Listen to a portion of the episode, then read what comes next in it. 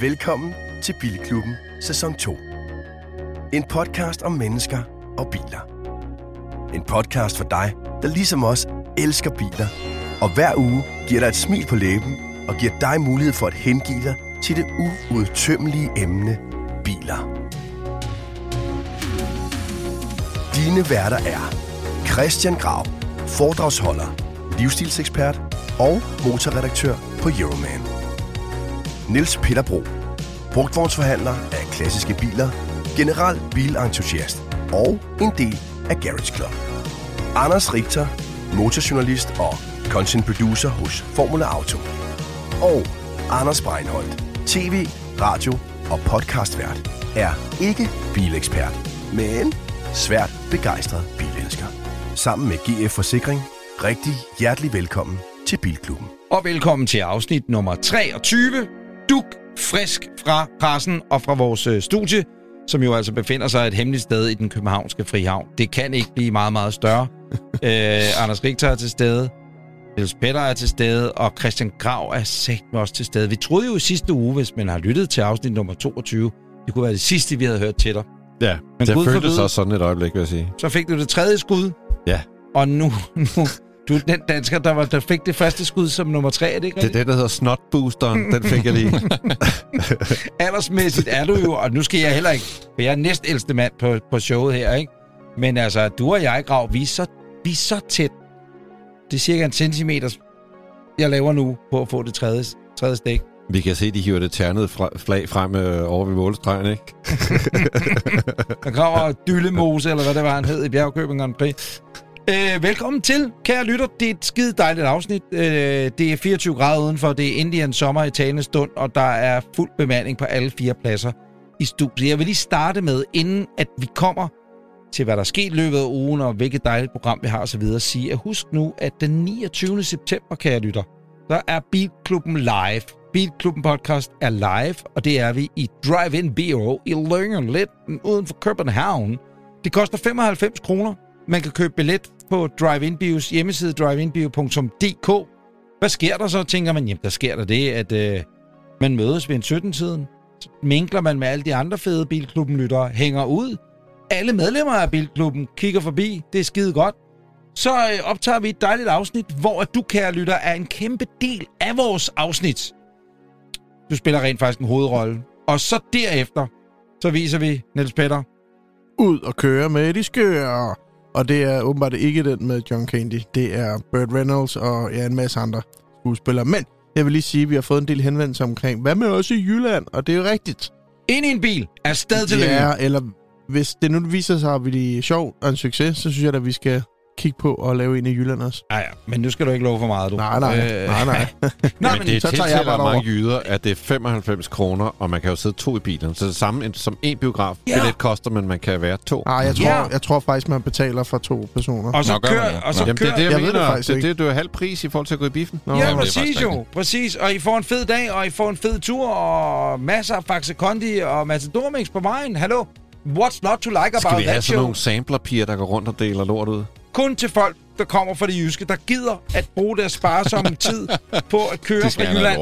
Så lover jeg, at der er ekstra, øh, hvis man selvfølgelig kan bevidne, at man kommer fra Jylland. Men, ikke bare sådan oprindeligt, men, men man har taget den lange farfulde færd, ikke? Må jeg øh, godt sige, at jeg er jo i gang med den store opgave at prøve at få så mange af de biler, vi har talt om i de sidste, ja, hvad bliver det, 25 afsnit, når vi når den, til den tid, med, så folk kan komme op og se Beach Boogien, eller Trabanten, vi søger nu, eller Men der er der en del fra øh, Jylland der. Eller ja, vi, vi må lige se, om øh, vi kan få, øh, få samlet folk over. Det kunne da være sjovt at samle mange af de biler. Kære venner, det er den 29. september, og det foregår altså i Drive-In Bio i Lønge. Rigtig hjertelig velkommen til afsnit nummer 23 af Bilklubben. Det her er øh, helt genialt. Hvad øh, sidder du og knipser Ah, der for var en flue. Der var en flue.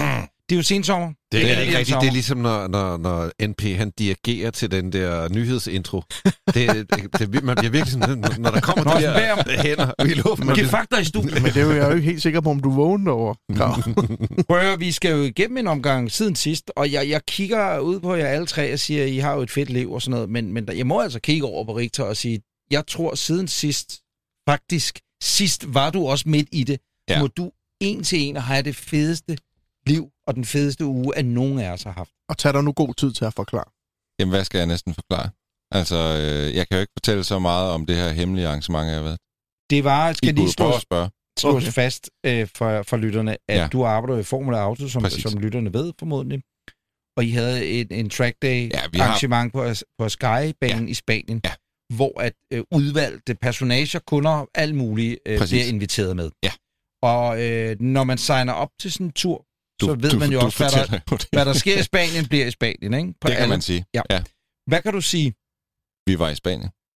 Hvor mange biler var havde I med i Spanien? Mange. Øh, hvilke biler havde I med i Spanien? Mange røde biler. Mm-hmm. Mm-hmm. Og øh, Var der, Du var da ikke så tilknappet sidste gang, altså. Nej, det var jeg ikke. Har du men, fået en men, lille reprimande? Har du været inde og ligge over chefens Nej. knæ? Nej, heller ikke. Jeg tror bare... Nej, det har jeg ikke. Det er jo bare sådan lidt et spøjst arrangement, fordi man har været der, og man vil jo gerne snakke om det, og gerne fortælle en masse ting. Men omvendt så har man jo også sådan en... Og de kunder, der har været med, har jo også været med, fordi de forventer en eller anden vis form for diskretion. Naturligvis. Så man kan ikke rigtig sådan... Nej. Så man kan fortælle noget, men man kan ikke rigtig fortælle det hele. må jeg og- stille et spørgsmål? Ja, det er selvfølgelig. Hvis nogen der har lyst, så selvfølgelig stille- selvfølgelig et spørgsmål. Ja, ja. Var der nogen... Det er vandflyveren. der rammer vand Og en generator. Jeg skulle lige til at sige, for Mm. hvilket Ja, firma. ja, Men så skal vi, ikke snakke, vi skal ikke snakke om den generator mere. Jeg vil sige, det er vandflyveren. Kan I høre den? ja Så ved man, at den flyver henover, hvor vi sidder. Ja, det er jo Sidder frihavn. du og det tænker over spørgsmålet lige nu? Nej, er vi nej, nu? nej, nej. Var der nogen, var der nogen, Mm. var der nogen, det er vandflyveren, var der nogen af dem, som deltog dernede, Ja, som sagde, hold da kæft, Bilklubben podcast, det er godt. ved I hvad? Nej. Det var der fandme. Ja, Altså for det første, så var der, så, så øh, var der i hvert fald, der var en med, der engang har været stillet igennem her i Bilklubben, mm. og så kan jeg ikke tale mere om det. Men jeg mødte altså også flere andre, der havde lyttet til Bilklubben og syntes, det var rigtig, rigtig fedt. Og en af dem sagde, hvordan delen får du fortalt om det her arrangement, når I skal mødes i Bilklubben? Og så sagde jeg, ja, det har jeg måske allerede. Så har jeg et spørgsmål. Sidste spørgsmål, så hvis Nej, du ikke kan fortælle mere, det, du bliver det nødt til at Det er jo bare ihjel. spørgsmål to. Øh, person, som sagde det, Ja. kunne man forestille sig, at man kunne ringe til vedkommende nu, og, eller næste uge, og så sige, vedkommende, der har været med, kan jo godt fortælle om arrangement, og, og, og, Det er og ikke vedkommendes oplevelse af arrangement. Jeg vil sige, vedkommende hører jo nok det her program, så hvis han vil have, vi ringer, så siger han jo nok ja. Er der nogen... Tag Øh, det er ikke Helene Elmer, kan vi så regne ud. Øh, Ej, Der er hvis bare Helene Elmer havde været med. Og er der Boogie. nogen, der vælger at køre hele vejen derned? Der I egen Nej, bil? eller? det, det er ikke øh, normalen. Der var vist nogen, der havde forvildet sig lidt ud på noget roadtrip, og øh, så der var vist nogen, der sådan... Men det var ikke, det var ikke helt plan, kan man sige. Var der nogen, der kørte gal? Nej, det var der faktisk ikke. Det var, øh, man kan sige, øh, folk kører jo til grænsen og sådan noget. Der er jo instruktører med til at hjælpe med at køre rundt på banen. Og, øh, og bilerne blev presset rigtig, rigtig hårdt. Men det er også folk, der tager biler med, der, de ved også godt, hvad, hvad det handler om. ikke? Altså, de kan godt finde ud af at køre bil. Og, øh, og der var ikke noget andet end sådan teknisk... Øh, der er jo altid lidt tekniske udfordringer, når du vælger at tage en Formel 1-bil med fra... Men, var det den ældste to- bil, der var? Formel 1 Mm, bil? nej, der var vist også noget ældre, men, men hvad det lige var, det kan jeg ikke lige huske. Ja, der er jo altid et eller andet. Hvad, hvad. Sluk for hans mikrofon. Åh, oh, hvad var det Nå, næste, der var? Diplomatiet. Men jeg vil faktisk sige, jeg er jo, øh, er det ugen, der gik det her? Ja, det er det. Ja, det er det. Siden sidst, Ja. tror jeg, Ja, så vil jeg lige, fordi jeg er var ude i dag, bare lige for at krydre min egen dag, Ej. må jeg godt lige... Øh, Til den, øh, lytter, der ikke kan se, hvad vi kigger på ja, lige nu. er der flere spørgsmål? Det er nemlig en øh, postkasserød øh, Ferrari F40. Og jeg vil lige sige, når jeg så også kigger på billedet, og, og det Richter viser nu rent, øh, det er, der står et billede, der er taget i Høje Tostrup i Det er dag kl. 13.11. Der har altså Ja. været en F40 På Mac. Ja. Ja, På Mac'en. på Mac. Ja, Hvad fik du? Stærkt. jeg fik en Big Mac. Sådan lidt klassisk. Du Jeg tænkte, ikke, jeg skulle øh, have en klassisk... Hvorfor øh, kørte du ikke McDrive på den? Nej, det tror jeg simpelthen ikke. Jeg ved, de har sådan nogle kantsten, og jeg ved også, hvad bælgen til en F40 koster. Det tror jeg simpelthen ikke. Hvad skulle du med i 40'eren lave video? Vi skulle ud og lave lidt video, ja. Og det var lige for at grounde mig selv, som vi øh, har talt om her, øh, inden, øh, inden vi startede i dag. Men øh, så groundede jeg lige mig selv med en F40-tur. En hel dag. Grav, din uge. Øh, øh, altså, jeg var jo syg, ikke? Så jeg har haft en stram uge, men sidste uge, der ville jeg jo egentlig have talt om, at jeg, jeg, jeg skulle både køre øh, Q4 Audi, mm. som jeg har glædet mig meget til at køre, og Mhm. så kørte jeg Ioniq 5 Mm, Hyundai, og så skulle jeg også køre Tesla Model Y. præcis. Men Model Y'en, den nåede jeg ikke ud at køre, fordi jeg er snottet. Men den har jeg, den har jeg til gode, den kører jeg næste uge. For søren. Mm. Men jeg kan sige, at øh, Q4'en der, Kan vi ikke lige tage den? den kunne jeg fandme godt lide. Ja. Det vil jeg sige, øh, og jeg kan jo også godt lide en jakken, og jeg kan også godt lide ID4. Det, det er nogle fine biler alle sammen, men jeg synes virkelig... Og Hyundai'en, lad os også bare tage den Ja, med den, kom, i... den kommer så bagefter, ikke? Ja. Men jeg vil sige, hvis man ligesom kigger på de der trillinger fra Folkevogn, hvor der også snart kommer en, øh, en Seat med, så er der det, den interne udfordring mærkerne imellem, at den interne kannibalisering, den er jo vanvittig, fordi prisforskellen på Skoda og Audi, den har aldrig været mindre. Og der må jeg bare sige, altså, jeg synes, Audi'en, det er den pæneste af dem alle tre. Det er jo klart den, der har den lækreste kabine øh, af dem alle tre. Det er det, Audi virkelig kan. Øhm, og efter så kører de ret ens, det må man så sige. Så hoppede jeg fra den over i Ioniq 5, som jeg synes er sindssygt flot. Mm. Der er noget med de der plastikskærmkanter, som har noget mønster i. Det, det, det er den eneste ting, jeg ikke synes er fedt på den. Ellers så elsker jeg det der eksteriørdesign. Den er kæmpe stor. Den er rigtig, rigtig stor. Det kom helt Den bag på har, mig, da jeg øh, så den. jeg troede også, det var sådan en akselafstand. golfstørrelse, Ja. men... Den, den, er, den er voldsomt meget større, end, øh, Mm. end man lige tror. Og øh, der, hvor jeg så vil sige, man kommer lidt ned på jorden, bliver grounded, som øh, vores unge ven, med alt håret vil sige. Øh, det er, at Det er ikke dig, Peter, det er Nej, Richter. det Nej, det er, ja. Som Det der er ikke var plads til i F40'en, skal jeg lige sige. kabinen. Håret? Ja, det var der altså ikke. Fik du håret i? Jeg fik sådan en helt fladmast øh, frisyr i. Jeg har et billede, hvor jeg sidder derinde. Det lægger vi op på. Så skal du glæde dig til at få mindre hår. Så kan det lade Ja. sig gøre at køre ja. en, øh, ligesom os andre. Og men kabinen er jo ikke lige så lækker som eksteriøret. Der, der går sådan lidt, at, at den er sådan set fancy og digitaliseret og skærmbetjent og alt det der med sådan knapfølelsen og skærmen og sådan. Der, der vil jeg sige, der er Audi'en klart lækre. Øh, altså også Audi'en kører mere sporty. Den, der er lidt mere, lidt mere feedback i den. Jeg har set nogle af mine kolleger, de har virkelig været efter Hyundai, og synes, det var meget kedeligt at vil sige, det er jo heller ikke eventyrens klub at køre Audi Q4. Så Mm. jeg synes egentlig, forskellen er ikke så stor der, og, og Ioniq, den er virkelig comfy. Øh, og så er der det der med ladetiden, ikke? Øh, 220. Prøvede du at bruge en styrt, styrtlader? Jamen, jeg ved ikke, hvordan... Jeg ved ikke... Jeg har spurgt til det, men der blev ikke svaret. Øh, der blev meldt ud, da den kom, at den skulle kunne lade med 350 kW. Ja. Øh, nu lader den med 220 kW. Nå. Og om det er noget, man har droslet ladekapaciteten ned, eller hvad det egentlig handler om, at det bare var rygter i omløb til at starte med. Jeg skal ikke kunne sige det, men stadigvæk 220, det er, det er voldsomt hurtigt. Er vi ikke enige om, at øh, Taycan og, 270. og, og sammen med e-tron GT, ikke? Mhm. Jo, 270. Modtaget. Men jeg vil da sige, i forhold til altså, de der øh, trillinger der fra øh, Volkswagen Group, de lader jo med alt. Jeg tror, de, man kan købe nogen, der lader med 50 kW. Det er virkelig, og så er det virkelig et spadested at spare penge. Ja. Men de hurtigste af dem lader vist med 150 kW, og, og mange af dem lader med 125, og der kan man så sige, det er jo altså, altså 220 versus 100 eller 125, ikke? Det- er noget, der gør en forskel, når man står og har den der tissepause ude på Monark. Jeg kan sige, at øh, det kan jeg øh, berøre- berette om på et andet tidspunkt, men jeg har flere gange i den forgangne weekend haft fornøjelsen i at e-tronen øh, i Nyborg kl. 2.45 ved Ionity Speedladerne der. Øh, 35 minutters opladning, og en af de tilsvarende lader nede ved, ved, øh, ved Vordingborg. Og jeg vil bare sige, der tog den jo 150 kW, og det er genialt. Mm. Intet mindre end genialt. Men jeg vil bare sige, at hvis den havde 275 eller 200 eller noget, det er altså 35 minutter, 85 procent skideblæret, men det ville være blæret, hvis det var et kvarter og 80, ikke? Og når altså, man skal hjem fra Vordingborg klokken halv to om natten, fordi man har været ude at arbejde, Bjerringbro. så betyder, jamen, så betyder det rigtig Ja, meget. det gør det bare. Jeg er bare lige med til den her snak omkring de her elbiler i det her konkurrence mellem de tre øh, søstre og øh, Hyundai. Jeg synes stadig, og det jeg har jo selvfølgelig også svaret, fordi jeg har den, men jeg synes stadig, at det 4 har noget mere brutal over sig. Jeg blev misundelig på kabinen på Audi'en. Den er fandme fed, det er den. Det skal den have. Men jeg synes, når man jeg ser den kommer kørende sådan i ID4, det er bare, det er bare en truck i forhold ja, til det er en nydelig bil. Ja.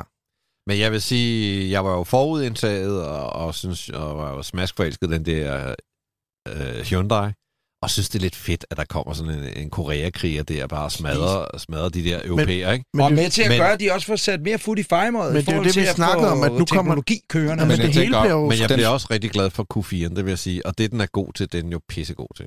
Men den der Kia EV6, Ja. ja. kan du ikke skaffe den? Jo, den skal jeg også ud af have Kan du fingre i. det? Ja, jeg Fordi synes ikke, jeg den er synes- lige så flot som Ioniq, men Nej, jeg synes bagfra kan den et eller andet. hvor, hvor jeg synes, at Ionic'en er, er federe forfra, men jeg synes... Men øh, Kan I høre, hvad der sker? Hvad sker der? For fem år siden havde vi jo aldrig siddet og sammenlignet en Audi med en Hyundai. Nej, Men det gør vi fandme men nu. Det, er- det er jo Det er crazy. jo, nu er det Ja. folk, skal have en Audi, eller skal have en Hyundai. Er det jo det, der sker? Det er, at det hele bliver bare presset sammen. I, Men man kan sige, at i USA har det jo været sådan, at Hyundai og de der Ja, koreanske de har mærker har jo stil, ligget altså, i sådan ret. øh, Hvad siger du? De har jo heller ikke stil, altså. Nå, men hvis... nu siger du selv, Kia og hvad hvis Fiat kommer med en... Det, det ved jeg ikke, om de gør. Men det tror jeg en ikke. virkelig Jeg, jeg fed tror ikke, elbil. at kommer med noget som helst.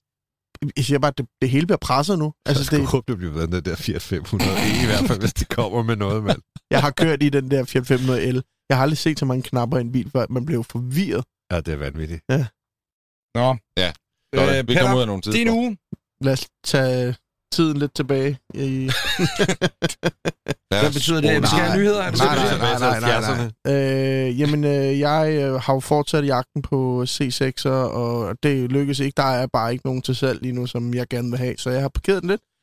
Øh, og øh, kigger lidt mere over, i- jeg var lige forbi CX øh, Familiar, øh, altså stationcaren, den synes jeg er simpelthen er så fed. Hvad, hvor gamle er det, de her biler, er, vi snakker om? 80'erne, ikke? Øh, CX'erne er i 80'erne, men øh, igen heller ikke noget interessant til salg på det europæiske marked. Og så kommer jeg lidt væk fra den, og nu er jeg nok lidt mere over i gamle DS igen, øh, hvor jeg startede. Og, Hvad med sådan en XM? Den er du... Ja, Nej. jo, altså... Det kunne da være meget De er mega fede, men de er også virkelig dyre, hvis du skal Er have de 3, 3.0 V6'eren. Nå, jeg troede faktisk, at de ikke kostede noget som helst. Omkring, Nå, nu siger jeg bare noget, ikke? og det er vi faktisk en dag, ikke? undskyld afbryde, men vi burde lave en leg. Det, er det, og det er åben redaktionsmøde nu, at vi burde, når du så siger XM, mm-hmm, begynder du at sige noget, vi burde lave sådan en associationsleg.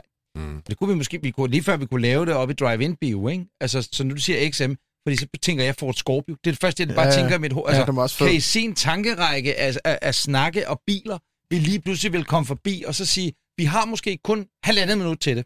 Det var bare en lille leg. Nu har jeg sagt det, så er det på bånd, og så kan vi huske det. en Men god idé. i, øh, øh, i øh, afmagt over, at jeg ikke kan få en C6'er, så skal jeg jo have en bil, fordi jeg har jo rent faktisk ikke. Jeg kører rundt i en, øh, en udlejningsbil for Sixt. Så øh, gik jeg ned i kælderen og så på min gamle W140 S-klasse og sagde, den var jeg rigtig gode venner med. Og faktisk lige inden jeg pillede pladerne af, der, sk- der lavede jeg den jo for 50.000 kroner med støddæmper og nye, altså herfra til evigheden.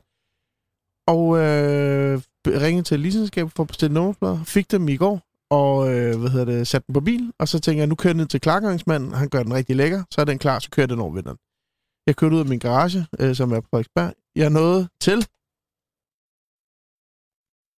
lige ned til plantaret. Nej. Så sagde den... Nej. brr, brr, blub. Og jeg viser nu et billede af mig, Ej, min Mercedes, der bliver smidt op på en uh, fejlblad. Det, det er uværdigt for en uh, W140 Ja, og at, at komme op på et fejlblad. og Det, det er her- simpelthen ikke ok, det der. Og det her, det øh, vil jeg jo heller ikke sige, bilen er jo rent faktisk til salg, så det er jo et dårligt salgsargument, jeg kører. Hvad var det? Hvad Hvad- er issueet med den? Øh, issueet var, at den har stået i næsten et år nede i vores kælder, og jeg har ikke sat lader på den, så batteriet var klappet sammen. Så jeg boostede bare batteriet og, og fik Nej. den startet og kørt. Og der er jo ikke, øh, kommer jo ikke strøm til benzintilførsel eller noget som helst. Så Skal vi, skal vi prøve at lege en uh, tankeleje med, hvor dyrt det der bliver? Hvor dyrt, Dorte? Jeg håber, det kunne koste et batteri. Så siger tror det jeg ikke. 700. Og selv et batteri til sådan en NP. Jamen, det er fint, den tager jeg gerne. Okay. Men jeg håber ikke, den har lavet damage Du på kan jo andre godt selv skifte vitale et batteri, kan du ikke? Jo, jo, jo. Men, øh, Men nu, det er Nej, nej, nej, der blev det taget. Det kan du sgu jo, ikke. men den, skulle jo, den skulle jo alligevel ud og have sat øh, nummerpladerne ordentligt på og sådan noget. Så nu blev okay. den jo bare kørt ud. Så nu kørte jeg i dag, øh, satte jeg så øh, plader på min, øh, eller ikke, altså prøveplader på, men min 735 BMW E2. Det er fandme en stærk bil. Hold Ja, kæft, den har du også rigtig. Jeg, hold kæft, hvor kører den godt, mand. det er en fed bil. Ej, det er, Det er en sindssygt fed bil. vildt. Jeg kan mærke, at du gerne vil have nogle flere cylinder i den. Ej, Og så ej, jeg skal ikke have din. min. Jeg skal ikke have din. Og den har også 735 telefon. fint. Og, Har din telefon? Nej, det har min ikke. Men der, Nej. jeg blev virkelig var sådan et, hold da kæft, hvor kører den godt. ja, det er bare en fed bil. Jeg vil sige, det er jo en bil, du har lyst til at køre i, hvor øh, S-klassen er mere sådan en øh, komfort. Get it, bro! Ja. Mig og, og rigtig elsker jo Ja. øh, sedanger fra øh, limousiner fra 80'erne og start Yes. 90'erne. Kære lytter, det var øh, simpelthen det, der var sket i ugen. Der er sket meget, meget mere, men det kan vi ikke nå. Øh, fordi vi, Hvad- vi, hvad er der sket med dig? Vi, vi, vi, skal- der er ikke sket en skid. Helt seriøst. Der er Nej, intet du har vel sket. holdt og lavet. Jeg har bare kørt i min dejlige e-tron øh, ved nogle ladestander her, men, men ellers, øh, ja, som sagt, det var Bjergbro tur på tur op og besøge de søde menneskers grundfos. Det er altså en fornøjelse bare at ligge og høvle afsted på motorvejen. Det, det er en dejlig, det er et dejligt vogntog, jeg har fået mig der. Men, men ellers er der ikke sket spor, der er, er værd af... Nej. Det er, det er Trist, trist. trist, trist.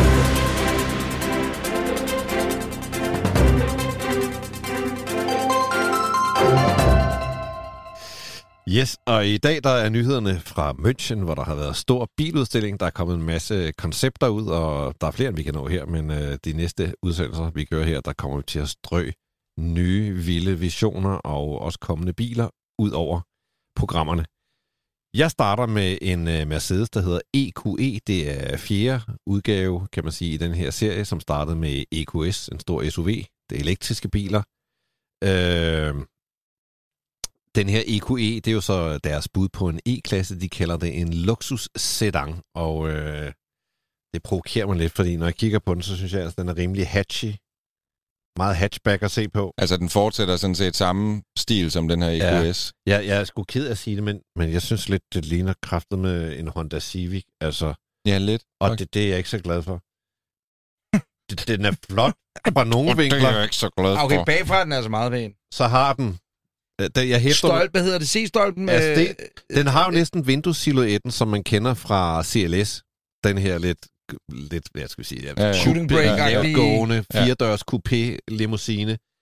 Men øh, bagenden, det er altså sådan lidt mere hatchback, og jeg synes da også, jeg kan se, hæfter den ikke højt? Nej, det kan man ikke rigtig se. Men i hvert Og fald, den har stor klap. kald tror jeg. det, kald det en sedan, det skulle lige at stramme den. Og mm-hmm. jeg Mhm. synes, altså også med EQS'en, Big klap. som er deres øh, limousine, der er jeg sådan lidt, altså, øh, jeg synes, formsprog, altså eksteriøret er på vej ned ad bakke hos dem, synes jeg. Til Men gengæld, så, Kan du lige vise kabinen der?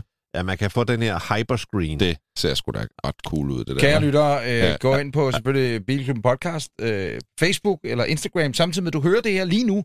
Øh, og så scroll dig igennem billederne, fordi de ligger jo i kronologisk rækkefølge, i den rækkefølge, som vi, vi taler om dem her. ja, jeg vil dog Og det sige, interiør, det må man sige, det er eddermame flot. Jeg synes så i øvrigt, at Mercedes ofte skifter interiør. Øh, eller også er det bare, fordi jeg ikke kører nok i Mercedes. sy- men, men, men jeg synes, at, at de skifter ofte. mm. Det der, altså der er den nye S-klasse, og det nye bla bla bla bla. Men det er jo så helt nyt igen. men jeg hæfter mig, nej, nej, det, det sidder det? også med, det, det her, det findes i den EQS. Okay, Ja, modtaget. det- det startede med EQC, jeg tror, jeg kommer til at kalde den EQS. Ja, okay. Men anyways, Ja. øh, jeg hæfter mig lidt ved, at de siger, den fås med hyperscreen. Det vil sige, den fås også uden, Ja, og så koster og det. det kommer til at koste øh, en bønsdag, ikke? Ja. Nå, men ellers så er det altså en elbil med 292 øh, HK, hvis den hedder 350. Den har en rækkevidde på 618 km, og den del af det lyder meget fedt. Næste nyhed er også fra, hedder det, det hedder IAA i ja, München ja, nu. ja, jo, ja. Øh, næste nyhed er også en Mercedes-nyhed. Det er som om, at Mercedes har været sådan rimelig dominerende Tak til på Mercedes. øh, IAA i uh, Munich. Øh, det er noget, der hedder en EQG, Mm. og øh, I kan nok genkende designet, fordi det er sådan set bare en G-klasse, bare siger jeg, øh, der er blevet elektrificeret. Og det her, det er indtil videre kun et koncept, men øh, det kræver nok ikke gang, mange hjerneceller. Lige ligner meget. Den ligner Kører meget. det? Er det igen? Er det hver gang, jeg siger noget? Det er vandflyveren. Den kan da ikke komme forbi igen. Jo, Ja, det det. De kredser over for at Ja. få dig hjem til Ja. Jylland. Det var den hjemme. Men øh, EQG'en, altså det er jo sådan set, det er, det er super simpelt. Det er en G-klasse på strøm. Jeg synes lidt, det er sådan et billede på, hvor nemt man kan lave en, en ekstra bil lige at have med på Nå, men, biludstillingen. jeg, Det ligner kraftet med en Gelendemarken, der er kørt ind i juleudstillingen. Altså, Men- man har bare sat sådan lidt uh, lys over det lys på rundt Ja, omkring, og så ja, siger man, nu den elektrisk, så har den fået nogle grimme fælge. nej, jeg så synes, tror at er man mega fede.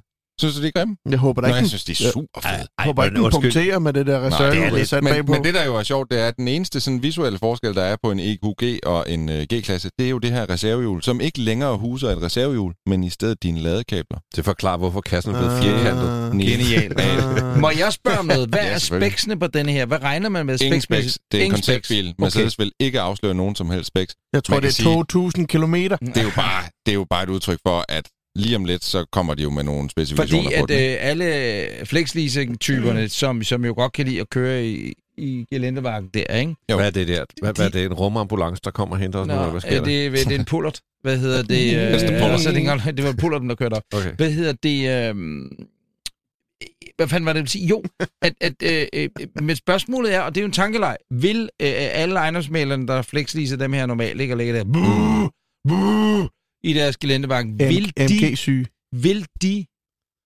hoppe på denne her? Det tror jeg godt, man kunne Ja, det tror jeg, den også. jeg, jeg tror nemlig, at den her kunne gå hen og blive ret populær, fordi hvis du vil ud i en G-klasse nu, så er du lidt tvunget til enten noget diesel, det er ligesom sådan den, den bil, du, altså G-klassen, du bruger til hverdag, eller en G63, som er sådan lidt for Snoop Dogg. Ja, det er jo lidt en brøler af, ikke? Jo. Og så har du den her, som ligesom kunne være den der... Så Ikke kan at du køre- kalder Snoop Dogg en brølab, skal vi lige Nej, sige. Det var, øh, men, men jeg forstår. Men man kan sige, det er jo G-klassen, du kan bruge Ja. ja. hver dag med god Ja. samvittighed, og hvis du kan få den gode samvittighed ind i en G-klasse, så tror jeg, du har en vinder. Men, men Rita, det jeg gør mig lidt lettet nu her. Mm. Det er Mm. som om, at nu har man indset det her med, at vi har en elbil, men det, vi behøver ikke genopfinde tingene. Nej. Ligesom, jeg vil gerne ned og handle med G-Wagon. Ja, øh, ja, skal det være MG? Skal det være almindelig diesel eller Præcis. elektrisk? Men jeg vil sige, der er en fordel med den her, det er, at den har øh, fire elmotorer, så den har en elmotor ved hvert hjul.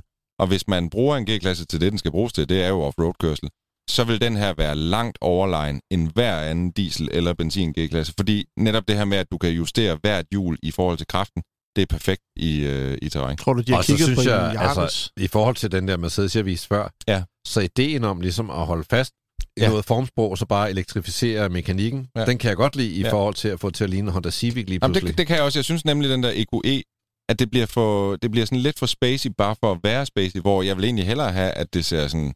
Det er jo ikke, fordi det skal se normalt ud, men jeg synes, det her, det kan jeg genkende, og det kan jeg forstå. Og så er den på el. Det er muligt, du siger, at den er kørt ind i juleudstillingen, fordi den har sådan nogle øh, LED-lysstriber hen ad siden og så videre. Men når det så er sagt, så synes jeg, at det er en meget god løsning. Lidt ligesom udnyttet sammenligning hørt, men i ekstremt fra BMW. Altså man har taget en helt almindelig bil, Præcis. og så har man bare elektrificeret den, mm. uden at vi kender spæksene. Og så bare sige, jamen selvfølgelig kan man gå ind i udstillingen, og så kan du købe den i en øh, AMG, du kan købe den i en diesel, og du kan købe du den... kunne, du kunne have lavet det der koncept på to timer i Photoshop. Jamen, det er den, enige, ja. jamen, enig, jamen, enig, det, kan er ret men de det er har bare det. ideen om, at det er en almindelig bil, eller en, en, en model, der allerede findes, så, som nu også bare fås på 100% el. Det kan jeg godt lide. Nu skal vi til noget, der er rigtig skønt. Jeg Nå. har tidligere haft fat i de her Endnu nye... en Mercedes. Øh, nej, nej, men jeg har tidligere haft fat i de her øh, nye konceptbiler, som Audi er på vej med. De har jo lovet, de ville lancere, var det fire i alt, ikke? Der var den der For et lange par uger siden, der der. havde den her med, der hed Skysphere. Kan I huske den? Sådan en Ja. roadster med Ja. ja. variabel Ja, ja. akselafstand. Ja, Helt ja, ja. hjernedød, men pisseflot. Nu har de lavet en, der hedder Grand Sphere, som er sådan, man kan man sige, bud måske på en elektrisk øh, A8. Er Lidt mere sporty, lidt mere CLS-agtig, men altså en super, oh, en super flot bil. Og øh, vi kan lige se et billede af den indvendigt. Selvmordsdøre. Hold da op. Sådan en lækker kabine, og den er også lidt... Ja, det er fordi, når den åbner Jamen, det giver jo ingen mening, mod køreretning. Men det giver jo ikke Det mening. gjorde man jo i gamle dage, og så fandt man ud af, at altså, nogle gange så var der sket en soloulykke, og så lå chaufføren, han lå ude på en mark, og så bilen lå lidt væk. Så var der sådan en, der havde glemt at lukke døren, og så åbner han lige døren lidt for at se, om han kan få den lukket, og så bliver han bare flået ud af bilen, fordi døren bliver revet op af vinden. så kaldte man det selvmordsdøre, men Når det- det, når det- når det bliver lavet i dag, Rolls-Royce kører rigtig meget med det. Mm. Når man laver det i dag, så er det selvfølgelig sikret, så man ikke kan åbne døren. mens Og døren også men- vejer 450 kilo alene, så du kan ikke bare det vente er ret- lige napse den. Men det er ret sjældent at finde noget, hvor der ikke er nogen B-stolpe. Nu bliver det lidt Øh, øh, nørdet. Med men- mindre vi tæller konceptbiler. Ja, ja, ja, præcis, fordi der, der er jo, den skal jo ikke holde noget alligevel. Nej, nej, men når, når den bliver til virkelig bil, Gud, øh, Gud noget at trøste os, altså det vil jeg virkelig ønske, den gør, så kommer der svært nok en Mhm, B-stolbilen, mhm. ikke? Men, øh, Tror du, også- Audi går væk fra deres A8-betegnelser og begynder at lege med Sphere? Nej, det tror jeg ikke. Nej. Det er for stærke brands, det var idiotisk. Det er ligesom da, altså Toyota, da de skiftede fra Corolla til Auris, ikke? Ja. Ja. Corolla, det var verdens mest kendte bilnavn, og Ja. ja. så stod for Auris, hvad er det, Ja. ja. et foto? Du Nu ved, hedder den Corolla hvad- igen, ikke? Ja, ja. Nå, Nå. vi har jo en fjerde nyhed. Tak for Få det. Grav. Det er den unge Richter. Det går hurtigt, det dag. Det går fandme stærkt.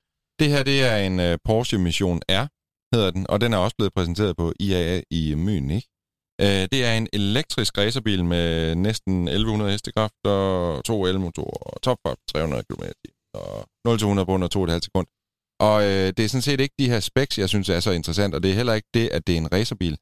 Men jeg tror, at det her, det er fremtidens Cayman. Mm. Det tror jeg. Er den, er den lille? Den er nemlig lige omkring, hvad en Cayman er i størrelsen i dag. Og jeg tror, at Porsche har vist den her og pakket det ind i, nej, men vi viser en ny elektrisk racerbil. Jeg tror i virkeligheden, det her det er fremtidens Boxster Cayman. Uh, Men, men uh, må, ja. hvis jeg må stille et spørgsmål. Tror Ja, I. Porsche vil øh, elektrificere deres 911 på et tidspunkt? Nej, Eller tror nej, de men man beskytter kan sige, den? Det vil jo være lettere at bruge Cayman til ligesom at elektrificere den der sportsvognsgren, end det er at pille ved 911'eren, som ligesom er sådan lidt en legendebil, som man måske er lidt nervøs for at pille for meget med. Så jeg tror, at vi har løst, vi har knækket koden. Vi ved, hvad Porsche vil. Der kommer en elektrisk Cayman. Boxster. Det er jo Og det, der er så- det fede ved de her konceptbiler. Det kan godt virke lidt farfetched, Men, men, men nogle gange, så kan man så godt se, hvor det ender hen, ikke? Jo, Og- fordi og- den ser jo, altså, den ser jo sindssygt godt ud, og en god størrelse og sådan det Den hele. ser rigtig lækker ud. Jeg Men- vil sige, hvis man har kørt en Taycan eller en Ja. Taycan, som Ja. det hedder, så kan man jo mærke, at de kan godt lave nogle elbiler, der kører rigtig godt. Og Præcis. det kunne være sjovt at prøve en elektrisk Porsche med den akselafstand og, den sporvidde og, og Men- altså, den, den højde der. Men jeg tror de- ikke, Porsche vil gøre så stort et nummer ud af at lave en racerbil til en mærkeserie, hvor der sikkert stiller øh, 30 rigmænd op, der kører om kap med hinanden. Mm, Altså, jeg tror, de skal bruge det her design til noget andet, og det er Cayman. tror ikke også, at uh, Cayman, eller ikke Cayman, uh, Taycan har, efter min mening, den fedeste elektriske bil lyd på markedet. ID4'en følger efter og også har en fed lyd, men jeg tror ikke også, at man bliver udvikler fede lyde til Selvom det elbiler. der det, er, fake sound. det er altså Jeg lidt synes, det er abstrakt, mega at fedt. vi sidder og snakker om... Er det ikke lidt abstrakt at sidde og snakke om lyden fra en elbil, som jo egentlig Åh, bare er en jeg syntetisk også, lyd? øh, Jo. Jamen, er det Det ikke er det? sådan jeg et kan lide det. overgangsfænomen, det behøver du ikke. Jeg kan godt lide det. Jeg kan godt lide, når jeg kører, så kan jeg høre, at jeg kører. Stil. Jamen, jeg har ikke noget... Jeg har, I skal ikke kigge over på mig. Jeg har sgu ikke noget... Jeg, jeg, En e-tron uh, GT jeg kan har også det jo godt også. Øh, jamen, det er kun op til de der 30-40 km i timen. Jeg synes ikke, jeg hører noget Jo, hvis du kabinen. sætter den i sport, så siger den der sådan... Nå, det- Åh, oh, ja, det gør den, men, Take- men, men det tænker jeg ikke. At det. Kører kan du trykke på en lyd, ekstra Ja, lyd så får den. Ja, den ja, får den mere lyd. Det kan jeg godt lide. siger den. Star Wars mode. Var det nyhederne? Mm. Det Kære det. lytter, husk at gå ind på vores Instagram eller på vores Facebook. Det er selvfølgelig Bilklubben Podcast. Og øh, se billederne fra de dejlige nyheder, som øh, nyhedsredaktionen ved Anders Richter og Christian Grav netop har gennemgået.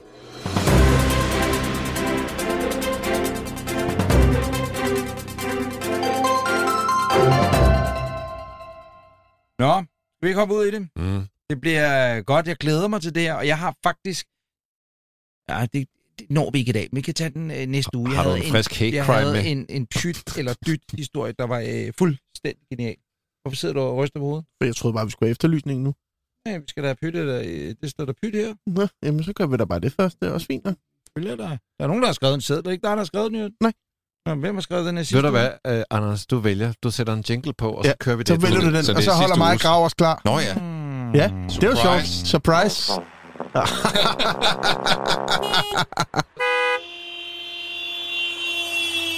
GF Forsikring præsenterer Pyt i stedet for dyt. Og det er jo vores lille hjørne, hvor vi sammen med vores gode samarbejdspartner, GF Forsikring, øh, det er sådan, at GF-fonden, som mm. er en fond, som er, er ja, er associeret med øh, GF Forsikring, er ved at udarbejde en, en undersøgelse omkring vejrede, vejvrede, road rage, som det jo så flot hedder. Øhm, og stiller 16 spørgsmål til, til folk, der har fået mulighed for at svare på det her spørgeskema, og ud fra det vil man så ligesom danne sig et indtryk og et billede af, hvor ligger folk, danske bilister, mm. henne i forhold til, til vejvrede. Og øh, vi har været igennem et, et spørgsmål, øh, som jeg var meget glad ved. Vi har bedt dig, kære lytter, om at sende øh, eksempler på vejvrede ind, og øh, dem skal vi høre et par stykker af nu, Grav. Ja. Der er kommet noget nyt, øh, der, og der er en, jeg virkelig godt kan lide, for jeg har faktisk oplevet det nogle gange. Folk, der parkerer på øh, ladestander uden at lade.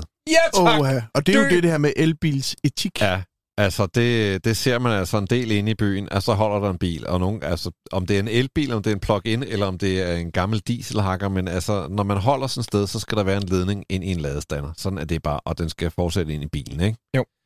Øh, men det pisser altså nogle folk af. Så der er en, der skriver her, hun hedder Louise. Hun skriver, pyt eller dyt. Min far på 65 vil dytte på samtlige det scenarier, I talte om. Jeg er selv ofte passager, der glider helt ned i sædet, ramt af flovhed. Min far er helt sikker på, at han er færdselsbetjent, og endda så provokerende, at han for eksempel kører forbi biler med trailer på, som kører for stærkt, og laver klip i kørekortet saksen til dem. Med to fingre. Ej, skal vi ikke ringe til ham? Ej, altså. Hold kæft, Det er sejt. en politimester Strix, du er der sunshine. Så er der en, der skriver, en af de ting, der pisser mig af, det er Martin Jæger. Det er lyden af dythorn i radioreklamer, som nu også er i podcast. Oh, oh. Jeg kan ikke være den eneste, der hører Bilklubben, mens jeg kører bil. Ellers tak for en rigtig god podcast. Selv tak. Så er der øh, Claus Ibskov her. Pyt eller dyt. Man skriver faktisk put eller dyt. Mm-hmm. Mm. Så, tager vi, så tager vi put, ikke? Ja. Øh, jeg bliver pisse rasende, når folk lige tænker, de skal overhælde, og så maser sig ind foran en. Øh, Hallo, der- må jeg følge op? Må jeg komme Ja, en bonus? det gør det. Undskyld. Fordi som relaterer sig til den her. Hvis man kender Lyngby Motorvejen udadgående, øh, altså væk fra byen, og det, der hedder udflætningen, hvor du kan køre mod, altså nordpå mod øh, Lyngby, Hørsholm videre, Mhm. eller mod Birkerød. Der kan du også køre lidt frem, holde til venstre mod Birkerød, og så kan du dreje af ned mod Motorring 3, og i et gamle dage kører man direkte ned mod Lyngby centrum. Her, der sker der det, at øh, det, der er tre spor på Lyngby Motorvejen, og det midterste spor er, er oftest i myldretiden, nærmest 24 timer i døgnet efterhånden, fyldt med biler, fordi at de skal ligesom ned gennem den her trakt eller snegl, om man vil. Så derfor er På, ned på ringvejen. Ja, præcis. Fyldt der. Det øh, folk så gør, som jo oftest kører der hver evig eneste dag, enten fra kontoret eller i deres kassevogn eller et eller andet, det er, at de holder sig ude i venstre spor, og så er de fuldstændig ligeglade med, at folk holder i kø, og så kører de så ind, i øvrigt ved fuldt optrukne, og så håber de på, at de kan trække sig ind. Det, Det der bare sker, set. det er, Ja. at rigtig mange holder ikke tilbage, for de tænker, vi gider ikke holde tilbage for dig, idiot, så kunne du også have holdt i køen, og bliver lidt selvbestaltet politibetjent her, Ja, ja. hvilket også er lidt irriterende. Problemet er bare, at der kommer en eller anden bravne i sin Mercedes Sprinter og holder sig der. Og det, der så er problemet, det er, at så holder man og spærrer nærmest halvanden spor, giver det mening, Ja. så du også har nogle absurd hasarderede opbremsninger fra Ja, andre bilister, ja. som du er skyld i. Jeg gad godt, og nu er jeg rigtig Judas stikker fucking feltmadras, tysker tøs svin, ikke? Man kunne godt, i stedet for at have... Mo- klip, klip. Luftsaksen. I stedet for at have fotofælden op ved øh, Nygårdsvej, eller det hedder den ikke, men der ved broen, mm, Mm, hvor de altid ja, holder, ja. så hold lige der. Hold lige der bare tre-fire gange i, og, i fire uger i træk. Så kan jeg love jer for, at folk ikke gør det der mere, for det er altså decideret livsfarligt. Men det er jo et problem, det der sted. Altså, Det er et kæmpe jo, problem. Hvor man, man ikke har... Ud, man udvider kraften med motorvej i hele Jylland, og så øh, kan man ikke udvide det mest trafikerede sted øh, på, i København. Det forstår jeg simpelthen ikke. Der var en trafikforsker, der havde regnet ud, at hvis øh, trafikken på Ring 3, den skulle være, hvis, det, den, hvis den skulle være lige så tæt som trafikken på motorvejen fra Kolding til Esbjerg, så skulle Ring 3 have 37 spor i hver retning.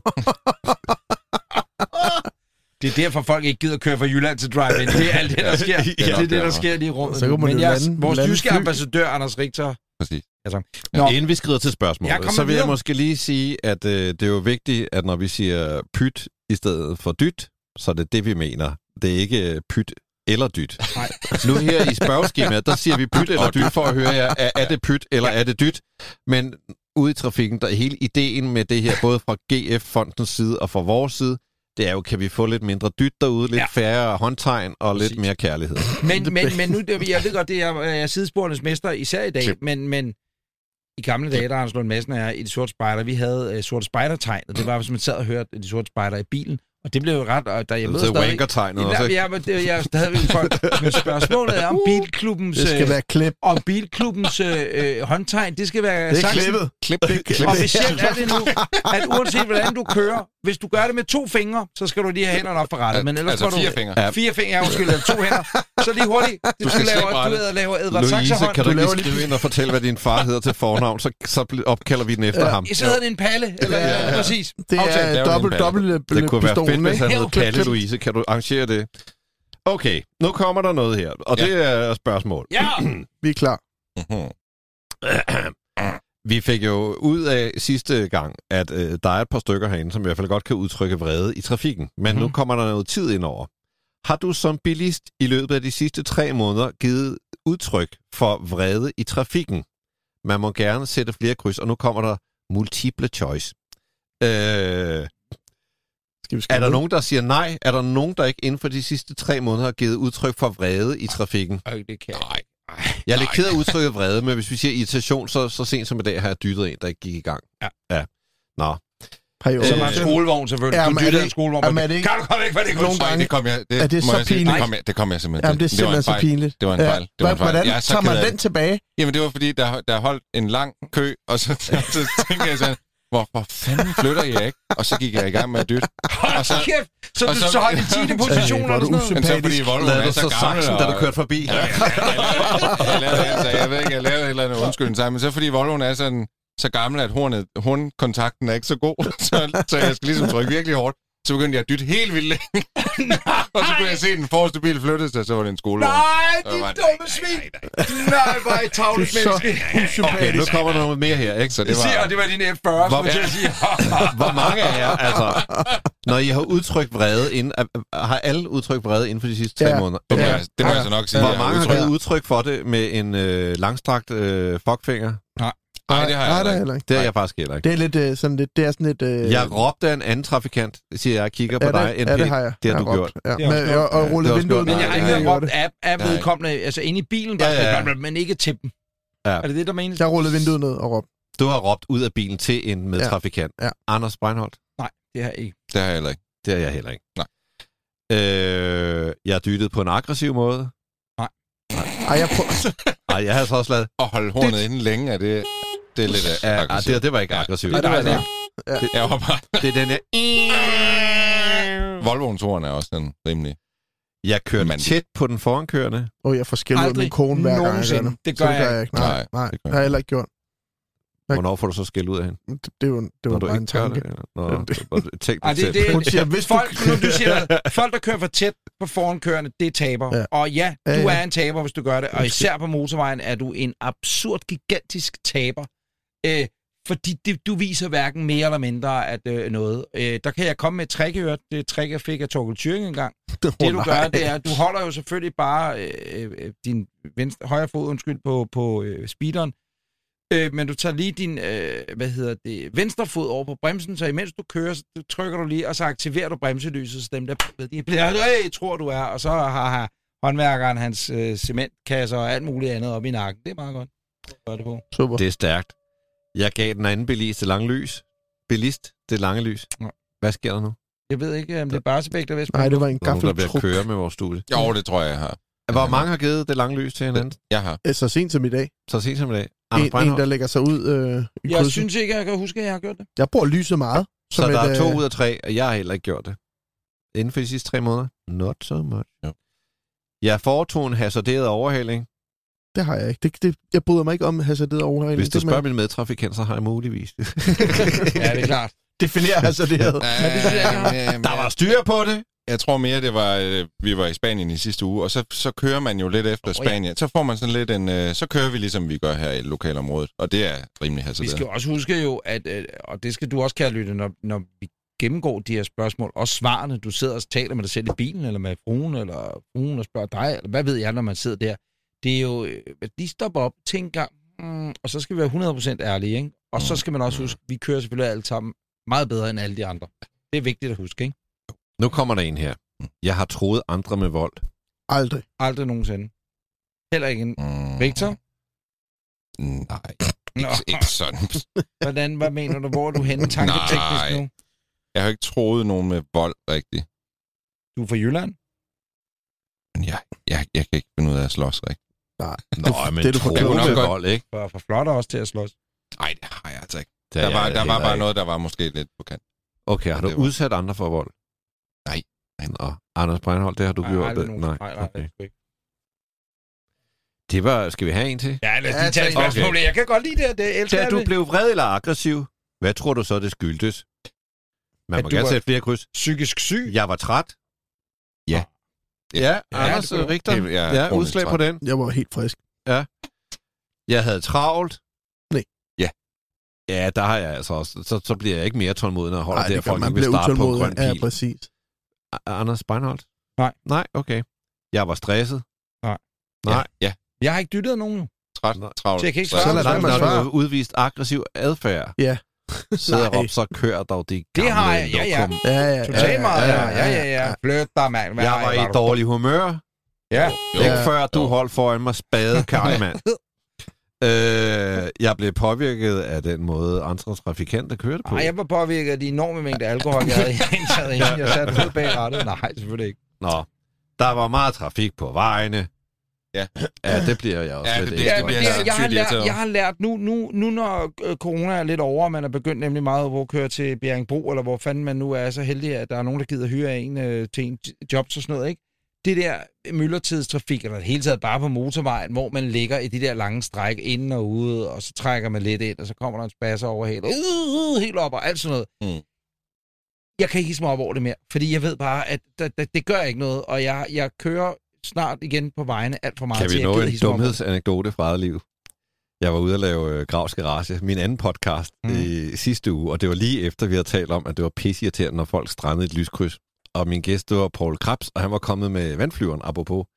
Det kan være, det er ham, der flyver rundt her. Og så, øh, så sagde jeg, når du, han har så han taget en taxa ud til studiet, og så tænker jeg, "Bro, jeg kan da bare smide dig af.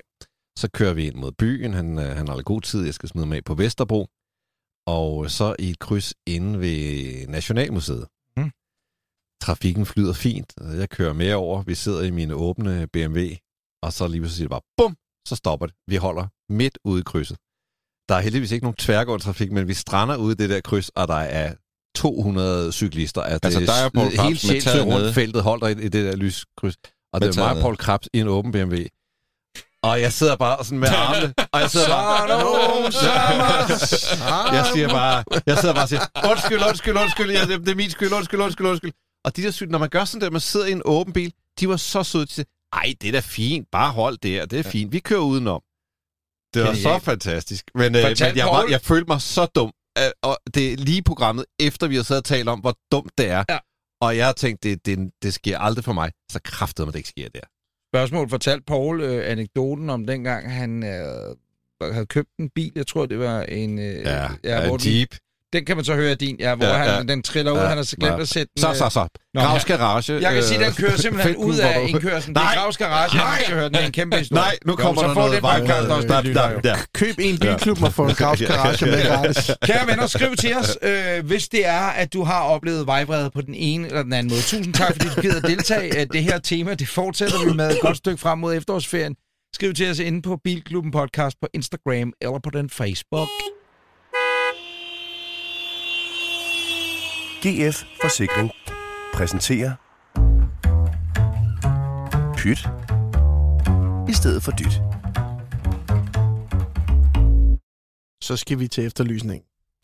Og hvor er det dejligt at have noget at gå op i igen, øh, efter en lang tørkeperiode over sommeren, hvor jeg ikke har skulle prøve at finde øh, en bil.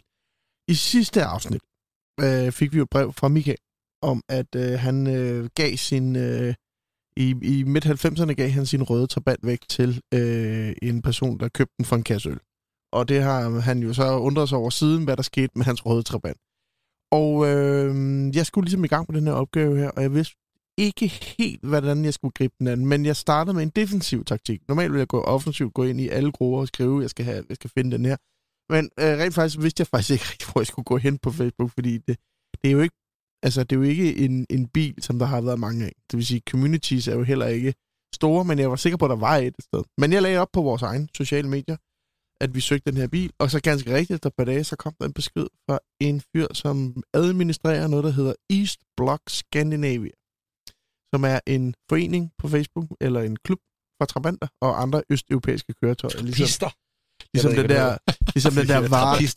Vartburg, Ja, præcis. øh, som hold. Jeg har jo hørt kørt forbi på vej ind. Jeg øh, kørte til også lige forbi den og tænkte på, Nu holder der øl, Cayman. S, R, S, Super, et eller andet af- Ja, ja, præcis. Ja, det er Øhm, meget fint Men øh, de søde mennesker øh, sagde, at jeg skulle skrive et opslag, så jeg lavede et, øh, et opslag inde i East, øh, East Block øh, Scandinavia Forum, og øh, satte mig egentlig tilbage for at lige finde ud af, om der var noget, der var øh, der kunne bruges til noget.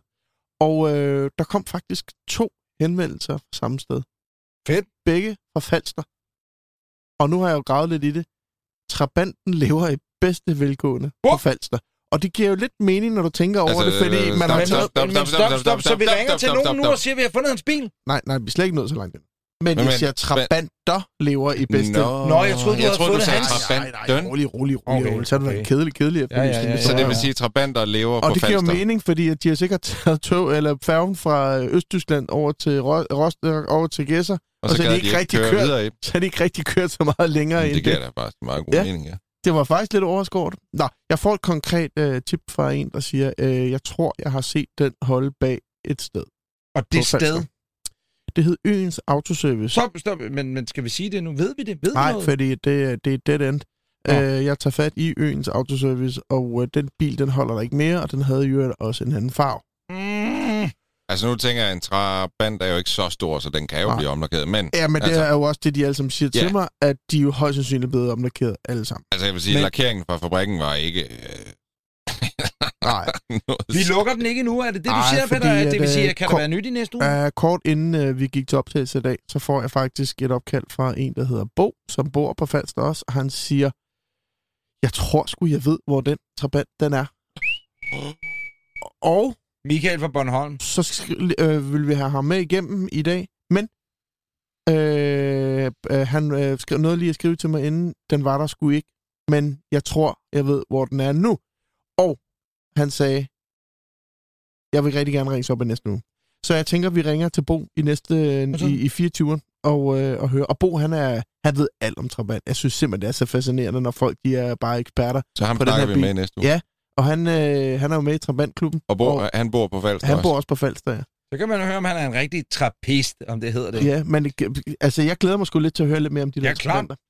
Øh, jeg, jeg kan anbefale at søge på, det har vi snakket om før, lagde vi det ikke op? Jeg tror, vi lagde et, et, et lille dejligt øh, klip op på, øh, Nå, hvor, de, Vores hvor, de, Facebook, hvor de bygger hvor trabanterne. man ser, hvor de ja, oh, ja, øh. Den ligger den ligger, på vores Facebook. Der kan man lige gå ind og Jeg går lige op og refresher den, så den kommer øverst. Det er altså- er så- hammer. smuk video, hvor han er hammer, han er fod, du ved, og så lige lidt kraftgang arm, du, så retter vi skulle lige ud, så, så motorhjelmen den lukker ordentligt. Og så en lille sidste ting øh, med hensyn til også til vores... Eller, og tusind tak for alle de billeder, folk sender af C6'er i Danmark omkring, om de skal gå ind og banke på, om den er til salg. Det er jo rørende, men øh, jeg tror lige, jeg venter og ser, om jeg ikke kan finde en i udlandet, som, som er helt perfekt. Og den sidste ting med hensyn til vores drive-in arrangement den 29. Folk har spurgt, øh, fordi linket var lidt langt til at komme op. Øh, det, det bedste og det nemmeste at gøre lige nu, det er simpelthen at gå ind på driveinbio.dk og købe billetterne, ligesom man køber en almindelig billet. Der ligger eventet derinde, og der ligger program og det hele, og det er bare at gå i gang. Det bliver skide godt Ja, det bliver og det er den skide 29. september, og det er lige jo nærmest sidste dagen, hvor du kan køre ah, din oldtimer Det gælder ude, til den du- 15. Nå ja, men øh, det er oktober, Ja. men det er... Men det bliver slagregn. det, jamen, det gør det, og de begynder at salte vejene og alt Mm. muligt, så der er sgu ingen grund til at, at, at ikke at komme derop og lige vise den frem, som man siger. Jamen, øh, tak for det. Så er det tid til Gravs brevkasse. Du kan spørge om alt og få svar på noget. Mm. Yes, sir. Vi starter med et, øh, en henvendelse fra Nikolaj K. Han skriver en hel masse. Jeg, jeg klipper lidt ned i det. De skal have en bil nummer to. Øh, leder efter en brugt bil. Den må koste ca. 300.000. Kører 15.000 km om året. Det skal gerne være benzin. Mit sigtekorn er rettet mod to biler. Den første valgt med hjertet. Design, køreegenskaber, Alfa Romeo, Giulia 2.0 T, den her lækre sedan, den med 200 heste, er han på udkig efter. Vanvittig smuk, skriver han. Valget burde være lige til, hvis det ikke var fordi, den savner lidt praktisk tilstedeværelse. Det er svært at finde en med splitbagsæder og ekstraudstyr som øh, adaptiv fartpilot, P-sensorer, virker som det er vilkårligt spredt ud over de biler, jeg finder på brugtmarkedet. Den anden bil, øh, det er så, nu skal vi lige... Blop, blop, blop, blop. Den skal også kunne have trailer, og det synes han er lidt ukristeligt på en Alfa Romeo. Øh, med, med træk selvfølgelig. Den anden bil, det er så den fornuftige og dog charmerende, lækre, brugt Mercedes C-klasse. Her er det flyderfornemmelsen og udsigten til stjernen, der lokker. Øh, der er alt det udstyr, man kan ønske sig. Det ligger i nogle fine, solide pakker. Det er et stort plus. Øh, den er dog øh, ret almindelig og ikke så smuk som Julia. Øh, han nærmer sig de 50 år, så skal det være en øh, Alfa Romeo, eller skal det være en Giulia PS. Min Mercedes kone, eller... ja. Ja. Ja, undskyld, ja. PS, min kone vil helst køre Giulia. Mm. Åh, men så er der sgu ikke så meget debattere. Altså, jeg vil jo sige... Øh, Så tag Mercedes. Øh, Folk med hjerne Altså- altså, kører med stjerne. ja, og hvis man ikke har haft en Alfa, så har man ikke noget bilhjerte. Nej. Øh, altså, det river jo i mig, det her, fordi alt i mig siger bare, den der Julia, den, den skal man have, men, men ret beset. Altså, udover den er smukkere, udover den kører federe, og det er jo også to væsentlige kriterier, så, så er det rigtigt nok det der udstyr. Altså, der er den ikke, der er den ikke helt fremme på beatet. Og sådan følelsen af at sidde inde i kabinen, at den, den, den har ikke helt samme lækkerhed. Og der er sådan noget med skærmen sidder i et panel, som har en særlig form, og når man så tænder skærmen, så er det bare sådan en firkantet skærm, der er inde i det der, hvor, hvor den burde jo være, have samme form som Mm. hele panelet der. Øh, Undskyld, så, jeg måske ikke har, Ja. jeg har hørt ordentligt efter. Men, men var det for ny begge to? nej, det er brugte biler. De må Mm. koste Hvor gammel er det? 300.000. 300. Jeg skal ikke kunne sige, hvor meget C-klasse man kan få for de penge, men, men, men altså, alt i mig siger jo alfaen, men, men virkeligheden er, at når man sidder inde i bilen, så vil man sandsynligvis være gladere for Mercedesen. Men jeg siger altså alfaen. Hvad siger Anders Richter? Jamen, jeg har det lidt på samme måde som dig. Jeg vil ønske, at jeg kunne anbef- eller sige, at han skal købe alfaen. Men et eller andet sted, så tror jeg bare, det dur jo ikke i det lange løb. Altså, han bliver nødt til at have en Mercedes C-klasse. Af de to biler i hvert fald. I, i daglig brug, så bliver Ja, man gladere det er mest det der med, at han, han skal jo køre nogle kilometer i den og sådan noget, ikke? Og Mercedesen er bare mere lækkert bygget, og jeg ved godt, den er måske ikke lige så smuk som alfaen, men til, til det, han skal bruge den til, der tror jeg, han bliver mest glad for C-klasse. Det, det vil jo være videre salgsmæssigt selvmord at købe den der Alfa. i forhold til Fuldstændig. Mercedes. Fuldstændig. Men mindre Dog- man har den i 40 år. Ja, men dog Ja. kan man så sige... Øh, Jamen, det er jo det. Altså, hvis du vil være slutbrugeren på den, og du er 50, og du tænker, jamen, jeg skal køre i den i 10 år eller 20 år, fint nok. Men, men, men en Mercedes C-klasse er jo... Jeg mener, det er alle under 200 øh, modellerne er udstyret med Renault motor i dag. Så det er jo heller ikke, fordi du får en kæmpe køreoplevelse i C-klasse. Du får bare Ej, et ikke brand. alle sammen. Er Det er jo nogle øh, enkelte nogle af dem. Ej, der under, har- men jeg synes jo mener, heller øh, 180 og, og derunder, mener jeg Renault. Men, men jeg synes vi så- da heller ikke, Alfa-motoren, den der 200 hest, er det det er ikke sådan, sådan nej.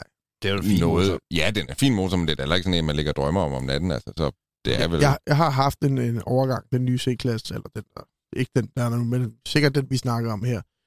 Og jeg synes, ja, det var en Mercedes, men det er klart den mest skuffende Mercedes, jeg nogen har kørt, nogensinde har kørt. Den var slet ikke noget feedback i rettet, og øh, lidt sådan lidt klangende, lidt plastikagtigt, synes jeg. Mm. Jeg synes, der, der, gik, der kan jeg bedre lide den der... Øh, Hvad, hvad siger du? altså, man jeg havde jo været må, en af de Du eneste, der godt kunne finde på at Alfa. tage alfaen, men jeg tror, øh, i den situation, hvis jeg var ham, så havde jeg taget Mercedesen. Og du sagde, jeg skulle... Jeg, jeg siger altså Mercedes. Jeg to ved Mercedes, godt, en af øh, hvad ja. siger Anders? Jamen Reinhardt? altså, øh, Du har taget noter, ven, øh, så vil jeg bare lige sige, at øh, flydende fornemmelse, eller flyder fornemmelse, det får man sgu ikke helt i en C-klasse. Det er jeg så ked af at sige. Mm. Mm-hmm. Øh, ikke i en 200 eller andet, så skal du i hvert fald længere opad, og du skal have den helt store pakke. Jeg ved ikke engang, om man kan få luft under morgen til en C-klasse, det kan man sikkert Det godt. var sgu også lidt over. Nå, nej, men det er bare, men vi snakker bare om flyder, flyder, Mm. mm. altså så er det i hvert fald minimum en E-klasse, ikke? Øh, hvis det er sådan flyderen og limousinekørsel, og mm, hvad har vi? Øh, gør fruen glad, mand, at købe den Alfa? Det siger jeg altså også. Og hvis man har alfaen, så er man ham på vejen, der kører alfa. Hvis du har den der C-klasse, så er du bare at sælge helge nummer 35 på 2-2. vejen, ikke? Ja, 2-2. Ja. Det, vi fik ikke løst det. Du, Nej. du, øh, Skal vi ringe til en ven? Ja, Ja. men altså en glad kone, det Ja. er Ja, også jeg vil værd, også hvis sige det- det hvad, hvis konen men, øh, siger det, så siger jeg også. Så siger jeg det. Så, Ja, så det- vægter vi det den jeg vej. Men få nu en fed farve. Ja. Ikke? Yes. Rød, Ja. rød er Og- er der penge til en quadrofolio? Det er Eller Det tror jeg ikke, der er Vil I have det? Kan du huske, et- da vi kørte den i Italien? Åh oh, ja. 460 heste. 560 heste. 510. Ja, ja. Ja, 5, nej, 510. Ja. Sorry. Alt, hvad jeg Nej, sagde, var men- forkert, men nej, det er også nej, lige men meget. det er bare en fed Men motor. nej. Det var dog Italien. Har, har vi Det var? Italien. Hvor, hvad, hvad, hvad, hvad, hvad sagde jeg? Spanien? Nej, du sagde Italien dog. Det var det, det, var det rigtige. Nå, ja. Ja, ja. Nå, næste. Skal I have til? Ja. Hej gutter, jeg Hej. håber virkelig, I vil hjælpe mig. Jeg har en Passat fra 06, som skal udskiftes nu. Den falder simpelthen fra hinanden efter 300.000 km. Jeg vil rigtig gerne skifte ned med en Skoda Enyaq, men mit spørgsmål er så, er det usikkert at købe en elbil nu, hvor elbilen er så ny, og teknologien bare sprinter der af fra år til år, eller skal jeg lease i de næste tre år og se tiden an? Det er klart billigst for mig at købe, hvis jeg vælger at have bilen i syv år, men er en elbil noget værd om syv år, øh, med hensyn til nyere teknologi osv., og hvad med reparationer over syv år, elmotorer, batteri osv., kan det holde? Hvad skal jeg gøre? Skal jeg købe, eller skal jeg lease? Jeg vil sige, Det er i noget af basker, omgang, du smider ind her 58 minutter inde i podcast. i forhold til... Gud, er vi så langt frem? Ja. Nej, jeg vil sige, i forhold til, kan det holde, øh, så er virkeligheden nok, at der er færre fejl på en elmotor, og øh, der er færre bevægelige dele, og mindre pis. Al erfaring på de første elbiler, Tesla, Leaf og sådan noget, viser egentlig, at batteritiden, også på Zoe, at den, de holder ret godt, de her batterier. Øh, så den vej rundt skal man ikke være bekymret. Men det er klart, at om syv år med en Skoda Enyaq, som øh, lader med 125 kW i bedste fald, der er nok sket alt muligt. Øh, så jeg vil sige, altså jeg vil personligt vil jeg sgu nok lease den. Hvad siger Lis, Anders? lis, lis, lis. Ja. Hvad siger Breinholt? Jeg siger... Øh, det er svært for mig at svare på, fordi at jeg har en bil i maks 6 måneder, og jeg leaser, kampleaser, ikke? Mm. Øh, og så videre, så videre. Og jeg er heldig, at jeg, er- ja, jeg har en god bilordning. Så jeg vil sige, at... Øh, hvem fanden har en bil i syv år? Det er der jo mange mennesker, der har, simpelthen. Men, men, men... Øh, så vil jeg nok også lease. Og så tror jeg, jeg vil lease primært så også for at finde ud af, hvis man ikke har haft en elbil før, Mhm. mm-hmm. så sige, jamen er det noget for mig? Får jeg øh, besvaret alle mine tvivlsspørgsmål ved bare at lease den, og så kan jeg smide den tilbage efter et år, eller hvornår i den et vil år, komme ud. ja. Ja, Mm, præcis. mm. Og så sige, jamen så er det det, jeg gør. Og så efter et år, så finder jeg ud af, det er lige mig. Og jeg har ikke lavet angst eller reach-angst, eller hvad det hedder alt sammen. Og så er alt skide godt. Så, så lease den. Men lease elbilen der, ikke? Altså, jeg tror egentlig ikke, jeg ville være så nervøs for at købe den, hvis jeg boede i et hus og havde en ladestander derhjemme. Fordi så ville jeg altid vide, at, at man kan sige, selv med en langsom ladning, så vil jeg altid kunne lade den op i løbet af natten. Mm-hmm. Jeg tror ikke, jeg vil være så nervøs for det, og man kan sige, med leasing, der betaler du også en vis afskrivning. Hvor man kan sige, med købet der, specielt når han er oppe og gerne vil eje den i syv år, så tror jeg, at den billigste løsning for ham, altså hvis det er det, Ja. der er hans øh, mål med den, og hvis han har tænkt sig at gøre, altså at det skal blive til virkelighed, så tror jeg, at den billigste vej for ham vil være at købe den. Men Det er der nok ingen tvivl om. nej, Men, men, øh, men, det, men det vil være sådan, altså det er jo virkelig svært at spå om fremtiden. ikke? men jeg jeg, tror- er på Anders' hold. Jeg synes, det er en god idé at lease den et år. Lige prøve det af. Jeg, jeg tror altså, at han skal lease en anden bil, indtil han kan få leveret sin elbil. Fordi det hedder Ja, det altså så den næste, 22, kan man midten af sige. 22 Ja, lige nu, på at ja. få de populære modeller, ikke? Det er sådan noget helt andet, præcis. Ja. Men jeg tror ikke, man skal være bange for, at, at øh, tiden den løber, for det gør den så her, men, men nej, men at den løber fra din bil på et år eller to. Det tror jeg simpelthen Nej, ikke, den gør for din elbil. Mm, Fordi så meget nej, sker nej, der jo nej, ikke. Nej, nej, Men jeg tror også, det er det her med, altså, jeg synes bare, det der med, at han skal prøve elbil af, om det er ham eller ej, Mm. det er jo sådan lidt omsonst i øjeblikket, fordi elbil, det, det, det, det, altså, det skal jo være ham. Hvis man en anden kan man Det er også tage en Ja, ja. øh, Q4 det, er jo- det er jo mere for. det der med, at så skal han bare finde den elbil, der passer til ham. Det er jo mere Jeg det. kan sige, at jeg, jeg er jo stor fan af enjakken. Jeg synes fandme, det er en dejlig vogn. Det synes jeg den absolut er også. virkelig, virkelig skøn vogn. Øh, virkelig, virkelig skøn vogn. Lis den, lis den. Tak for det. Husk at skrive til øh, enten også i øvrigt efterlysningen, eller øh, til brevkassen. Vi skal have noget, skal jeg købe den? Kom med nu, kom nu. Eller skal jeg sælge den? Det er sådan noget, vi vil have. Ja, Ja. Øh, skal jeg købe, skal jeg sælge? Sæt Køb. os på opgaver, Selv. mand. Sæt os på opgaver. Køb eller selv, køb eller selv, køb eller selv. Det vil vi gerne have øh, spørgsmål på, øh, og, og så svarer vi så godt vi kan i Gravs brevkasse. Og det var Gravs brevkasse.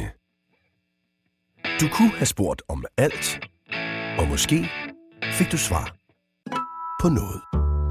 Hallo? Hvad indikerer det? Det indikerer, at den absolut bedste, mest fænomenale bilquiz, du overhovedet kan finde, også i sæson 2 af Bilklubben podcast. Den er på vej nu. Det er Anders Richters helt igennem store, fantastiske bilquiz. Jeg elsker formatet om, at øh, du stiller et spørgsmål, så er der tre valgmuligheder. Kære lytter, du elsker den også derhjemme. Leg med. A, B eller C. Hvad handler det om i dag, Richter? Jamen i dag har jeg faktisk taget udgangspunkt i øh, den her bilmesse i München, så det kommer til at være en quiz, der er præget af øh, messer eller årstal, og noget med, hvornår biler er præsenteret, og noget, der har relateret til sådan, hvornår biler kom på gaden. Så det er temaet i dagens quiz. Ja, tak. Hvornår er I klar? Jeg er klar. Ja, jeg er så Kør, klar. kør, kør, kør, kør, kør, kør. jeg skal bare lige være med på. Reinhold, du vandt jo sidst. Ja, hallo. mand. Ja, skide godt gået, mand. Hvornår får man så egentlig sådan en form for øh, mellemstilling? Lad du mærke til, da du hørte programmet, hvor mange gange du snød mig? Hvor mange gange svarede rigtigt, du havde bare sagde, det er rigtigt. Men det Brænder var point til dårlig, dig. dårlig forbindelse til Spanien. Det er helt vildt. Ja. Men, men Jamen, jeg tror er dog stadig, du vandt med en. det, Det var er, for, du, ligger, du ligger stadig i front. Vil du have en Nå, servietgrav til er er Jeg, kan høre en violin. Der er en øh, violin, der spiller et eller andet sted ude i baggrunden. Åh, oh, snot has. Nå, lad os, øh, lad, os, øh, lad os få det første spørgsmål nummer Er klar? 1. oktober 1908 præsenterede Ford sin dengang nye T-model. Men hvor mange eksemplarer nåede Ford at producere? Nåede de at producere A. 10 millioner eksemplarer? Var det B. 15 millioner eksemplarer? Eller var det C. 20 millioner eksemplarer? Åh, oh, det er et svært spørgsmål, mand. Jeg siger, B ligger mig i midten. Jeg siger C. Jeg tænker, det er højt. Jeg har skrevet et lille bit af. Svaret er B. 15 millioner. Nej, Anders. Du fører... Hold kæft. Jeg fører. Vi Godt er så. på vej. Ej, det... Er I klar? Ja. Ja. Til spørgsmål 2. Mhm. Meget apropos. Ferrari F40 var den sidste model, Enzo Ferrari selv godkendte. Men hvilket år gik produktionen i gang? Var det A. 1987? Var det B. 1989? Eller var det C. 1991? Nej, det er ikke.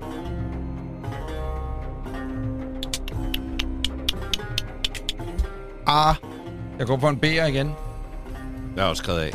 Svaret er A. 1987. Modsat. Grav, vi hentede ham. Vi hentede ham. Øh, Yes. Jeg fører lige scores Jeg kan herovre. godt lide, du fører score på computer. Ja, men det er noget nyt, jeg lige prøver på. Det er meget mere bøvlet. ja, det, det er meget mere bøvlet. Det er Godt. fordi, du sidder sammen med den kinesiske spillemafia på unibet.com jo, så sidder I nu og... Yes, Jeg spiller poker samtidig Ja, og du sådan noget. opdaterer Opdaterer du oddsene lidt på... på spiloppen.com. mand. Er I klar? Spørgsmål 3. Ja. Mhm. I 1994 præsenterede Mercedes sin helt nye S-klasse Coupé, der fik en ny og meget vigtig udstyrsdetalje. Men hvad var det? Var det A. Adaptiv fartpilot? Var det B. Gardin airbags? Eller var det C. ESP?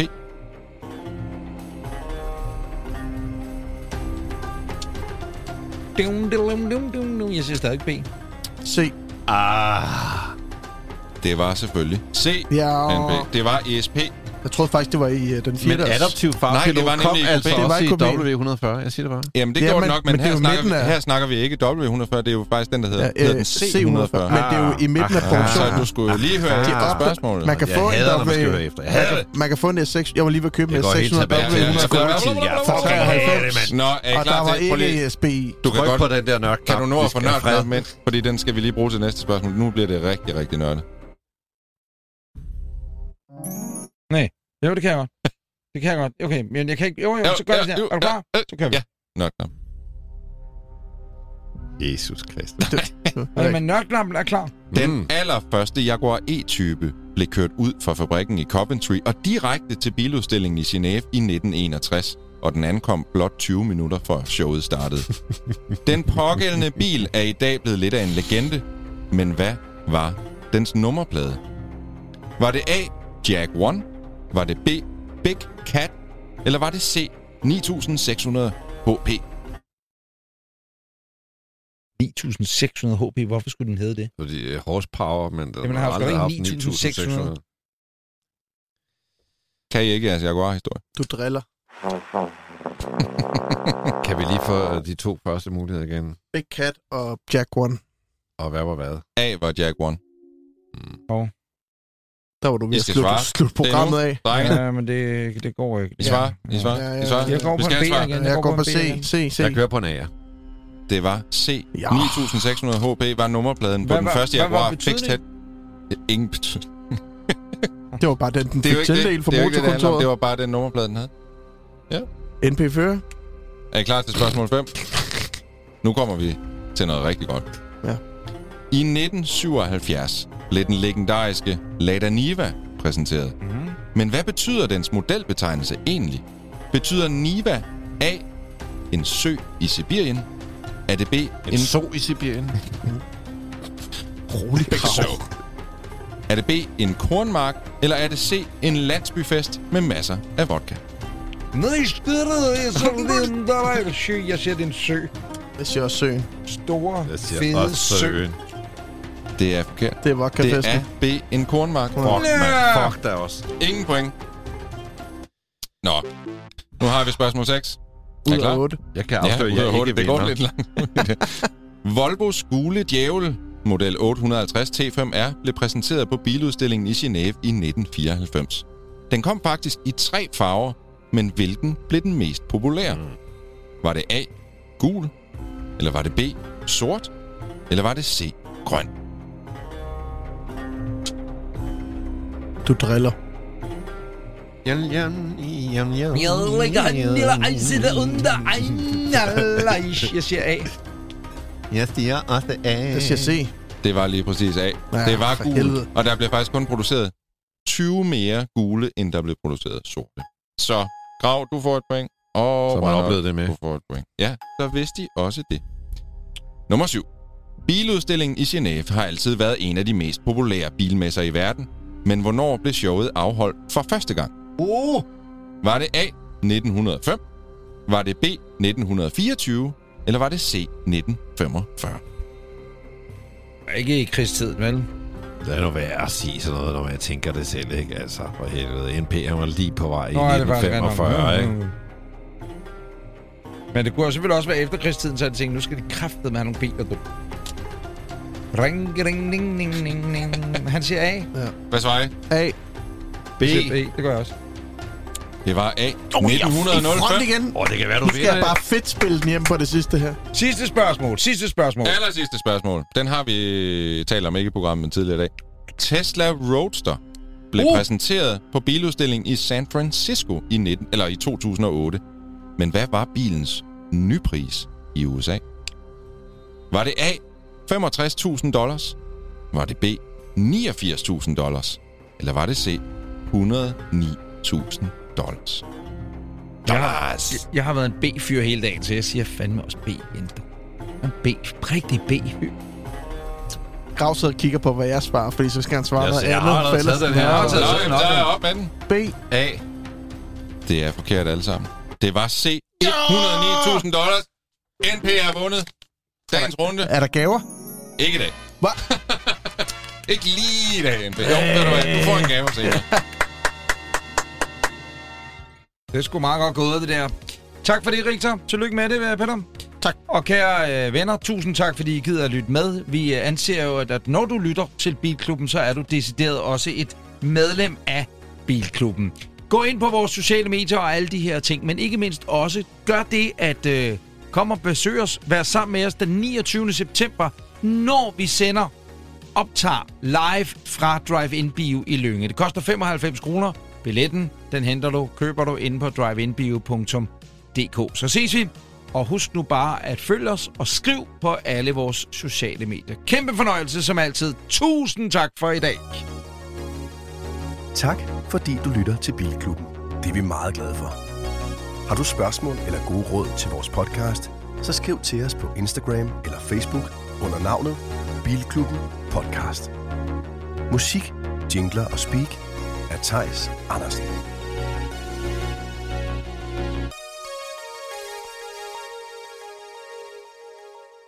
Endnu en podcast fra Breinholt Studios.